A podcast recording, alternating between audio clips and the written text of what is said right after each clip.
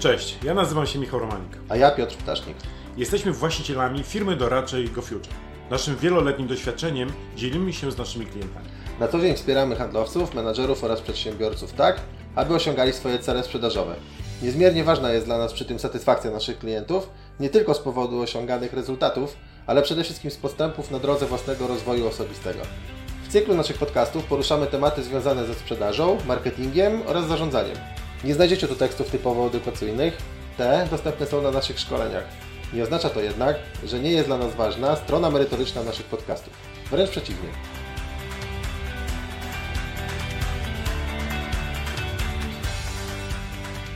Chcielibyśmy rozmawiać o rzeczach trudnych, czasami niewygodnych, takimi, z którymi mierzymy się w codziennych relacjach interpersonalnych i biznesowych. Chcielibyśmy poruszać i drążyć tematy, które bardzo często są tylko fikcją, napisem na ścianie lub nieprzestrzeganym regulaminem lub zasadą. Stąd m.in. tytuł tego cyklu Szczerze o biznesie. Będzie nam miło, jeżeli włączycie się do dyskusji, zostawiając komentarz. No to lecimy.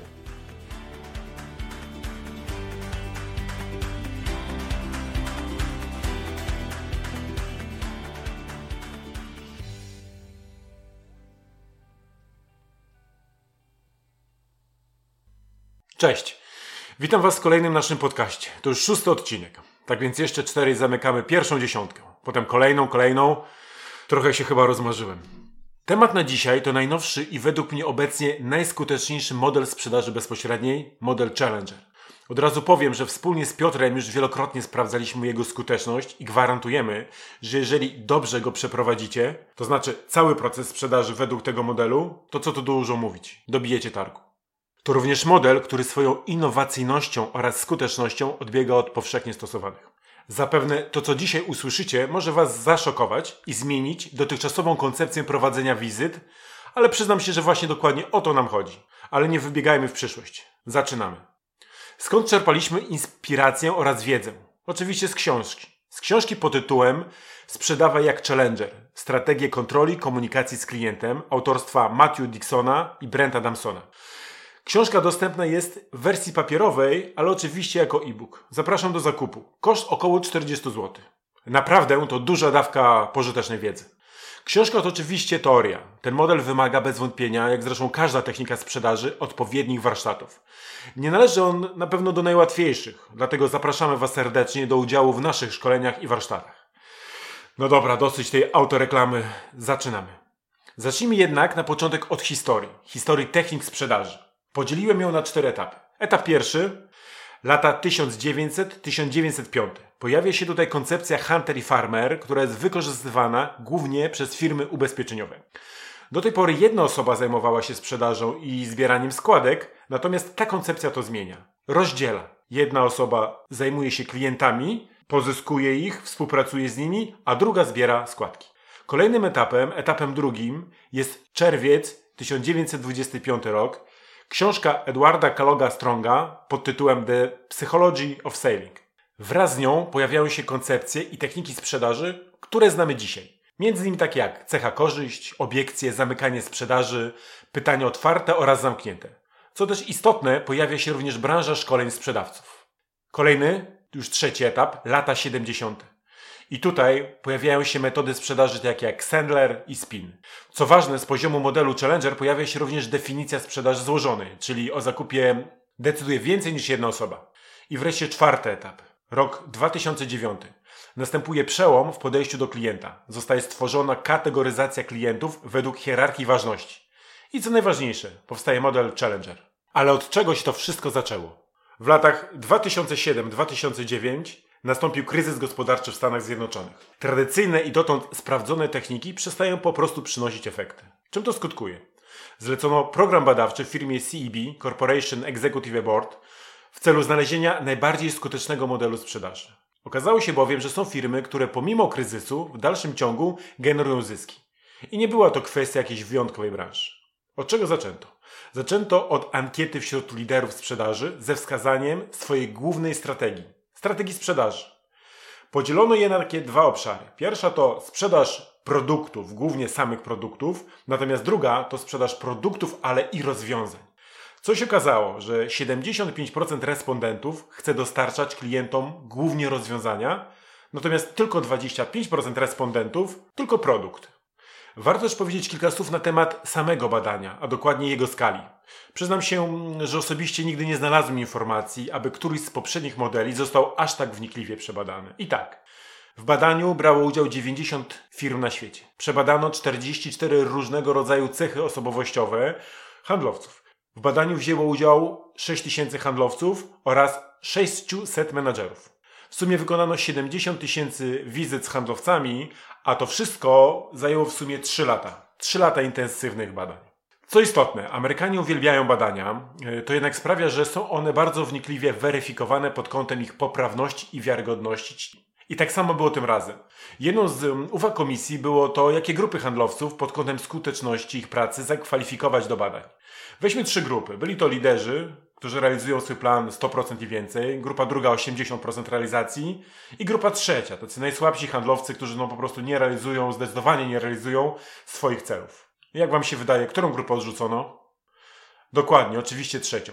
Po prostu nie można poprzez badania szukać najskuteczniejszego modelu sprzedaży, kwalifikując do niego osoby, które nie, realiz nie realizują swoich celów.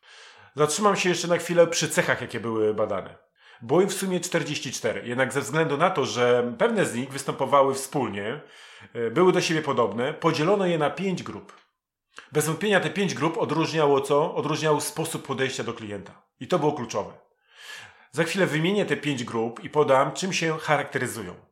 Już teraz zastanówcie się, która z nich jest najbliższa waszemu stylowi pracy, tak abyście mogli to sobie skonfrontować. Zaczynamy? No to uwaga. Pierwsza grupa to pracuś. Pracuś to osoba, która nie poddaje się łatwo, robi więcej niż się od niego wymaga, ma silną motywację wewnętrzną, zainteresowany jest informacjami zwrotnymi rozwojem osobistym. Z reguły to jest osoba, która pierwsza przychodzi do pracy i ostatnia z niej wychodzi. Druga grupa to samotnik. Samotnik to osoba, która podąża za własnym instynktem.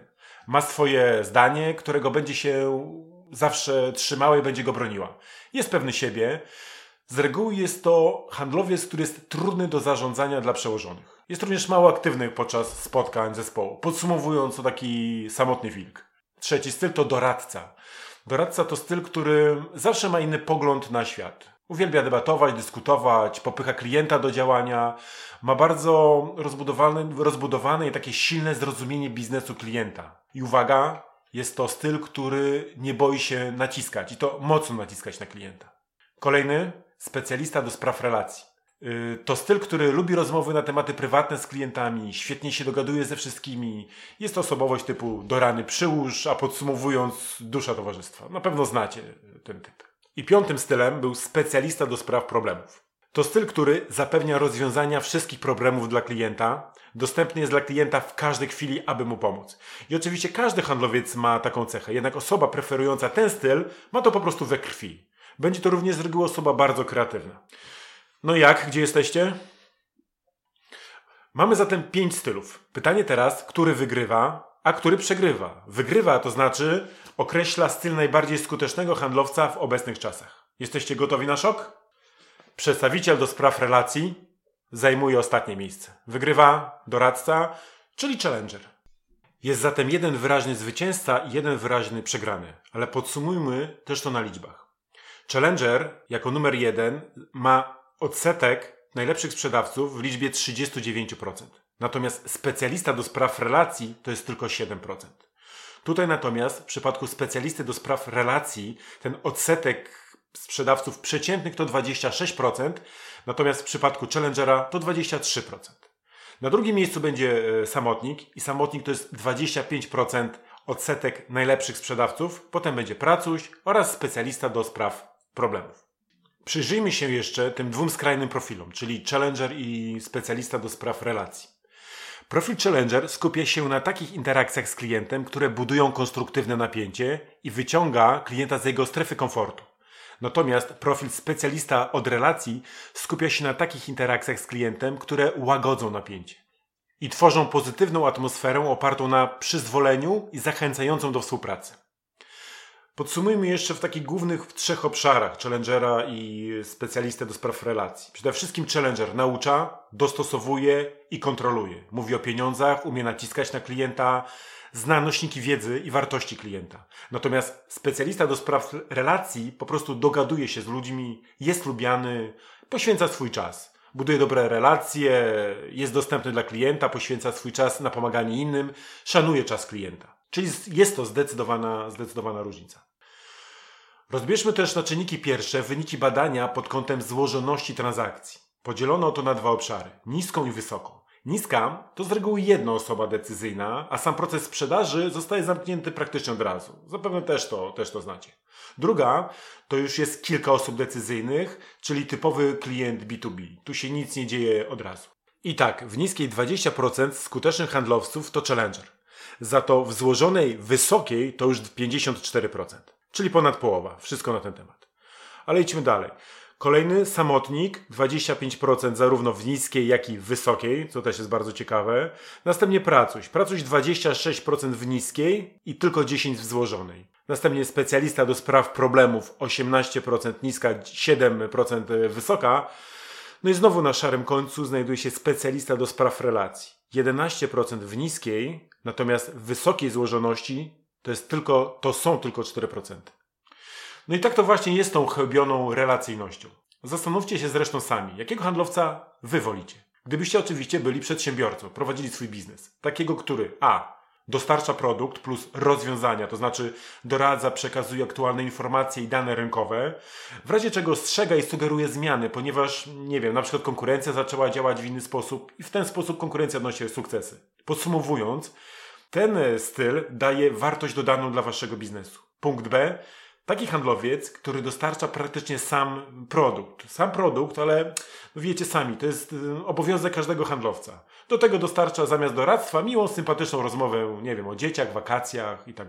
Czy ktoś z Was ma jeszcze jakieś wątpliwości, która z opcji jest korzystniejsza z perspektywy zysku dla klienta? Skupmy się i zatrzymajmy się na razie również na tym, czy model y, sprzedaży Challenger jest dla wszystkich klientów. No na pewno nie. A więc dla kogo?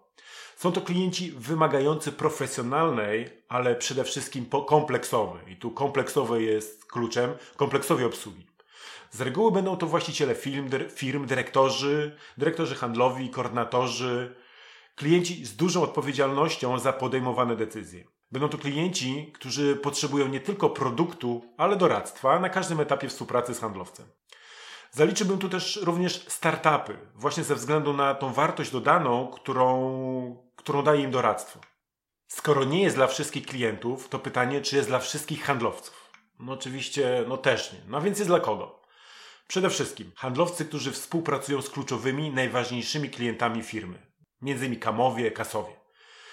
Drugi punkt, doradcy głównie klienta korporacyjnego i biznesowego oraz reprezentanci medyczni. I tu coraz częściej wdrażamy z Piotrem ten model, model Challengera właśnie dla nich. Jest naprawdę bardzo skuteczny w kontaktach ze środowiskiem le lekarskim. Dlaczego? Ponieważ jest spójny z profilem tego stanowiska, czyli doradcy. Oczywiście zawsze w ramach posiadanej wiedzy i kompetencji. No i wreszcie jest on dla wszystkich, którzy chcą się rozwijać w sprzedaży. Podsumujmy, jakie cechy osobowości i umiejętności powinien zatem posiadać handlowiec o profilu Challenger. I tak. Ma silne umiejętności komunikacji dwukierunkowej, posiada wiedzę z psychologii, a dokładnie umiejętność rozpoznania osobowości klienta oraz, co jest bardzo istotne i zdecydowanie trudniejsze, dostosowania się do niej przez cały czas trwania spotkania. Kolejny punkt. Zna mechanizmy i ekonomiczne czynniki napędzające biznes klienta. Interesuje się po prostu tym jest odważny w relacjach z klientem, nie boi się pytać, potrafi również wywrzeć nacisk na klienta oraz jest pewny siebie oraz co bardzo istotne, jest osobą asertywną. Przejdźmy jeszcze do takich czterech podstawowych zasad dotyczących modelu Challenger. Według książki oczywiście, którą, którą jeszcze raz Wam polecam. Zasada pierwsza. Umiejętności Challengera są nabyte, a nie wrodzone. To znaczy, możemy mówić o pewnej ilości genu Challengera, która może wynikać z osobowości ukształtowanej poprzez proces wychowania, a następnie socjalizacji. Reszta to już jednak samoświadomość i ciężka praca.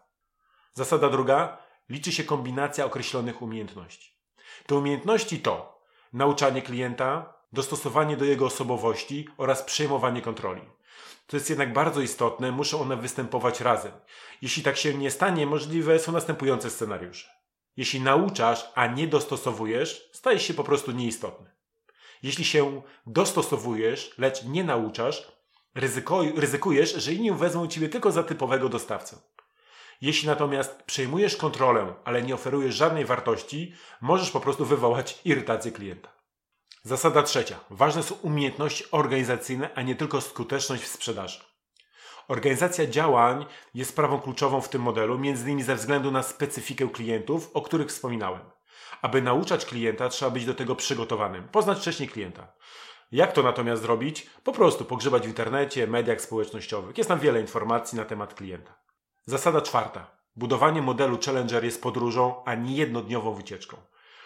Wprowadzenie zmian powinno być spójne z polityką i działaniami firmy. Szczególnie dużą rolę odgrywają tutaj bezpośredni menadżerowie, tak aby nie zostało to potraktowane jako atrakcja miesiąca. Menadżer musi wiedzieć, że Challenger potrzebuje czasu na przygotowanie. To nie sprint, to maraton. A jak myślicie, jak wygląda badanie potrzeb klienta w przypadku modelu Challenger? Standardowe modele sprzedaży opierają się przecież na zasadzie, że kluczem do sukcesu w sprzedaży jest dogłębne zrozumienie potrzeb klienta, co jest zawsze powtarzane jako mantra podczas szkoleń. I tu Was niestety rozczaruję. W tym modelu nie ma badania potrzeb, a już na pewno nie na taką skalę. Dlaczego? Ponieważ ta koncepcja opiera się na założeniu, że znamy potrzeby klienta, bo znamy jego biznes. Wcześniej to sprawdziliśmy, przygotowaliśmy się do spotkania. Oczywiście zawsze znajdą się drobne indywidualne kwestie do doprecyzowania. Okej, okay, no to na tym koniec. Mam nadzieję, że zaintrygowałem Was i przynajmniej trochę zachęciłem do wnikli, wnikliwszego zapoznania się ze stylem i modelem Challenger, bo naprawdę warto. Zachęcam Was również do zakupu i przeczytania książki oraz oczywiście do wspólnych warsztatów, na które razem z Piotrem Was serdecznie zapraszamy. Pokażemy i nauczymy, jak rozmawiać z klientem według określonych reguł. To bardzo ciekawe doświadczenie. Dziękuję zatem za dzisiaj i do usłyszenia w kolejnym podcaście. Będziemy wdzięczni za Wasze komentarze oraz za zasubskrybowanie naszego kanału. Trzymajcie się, cześć!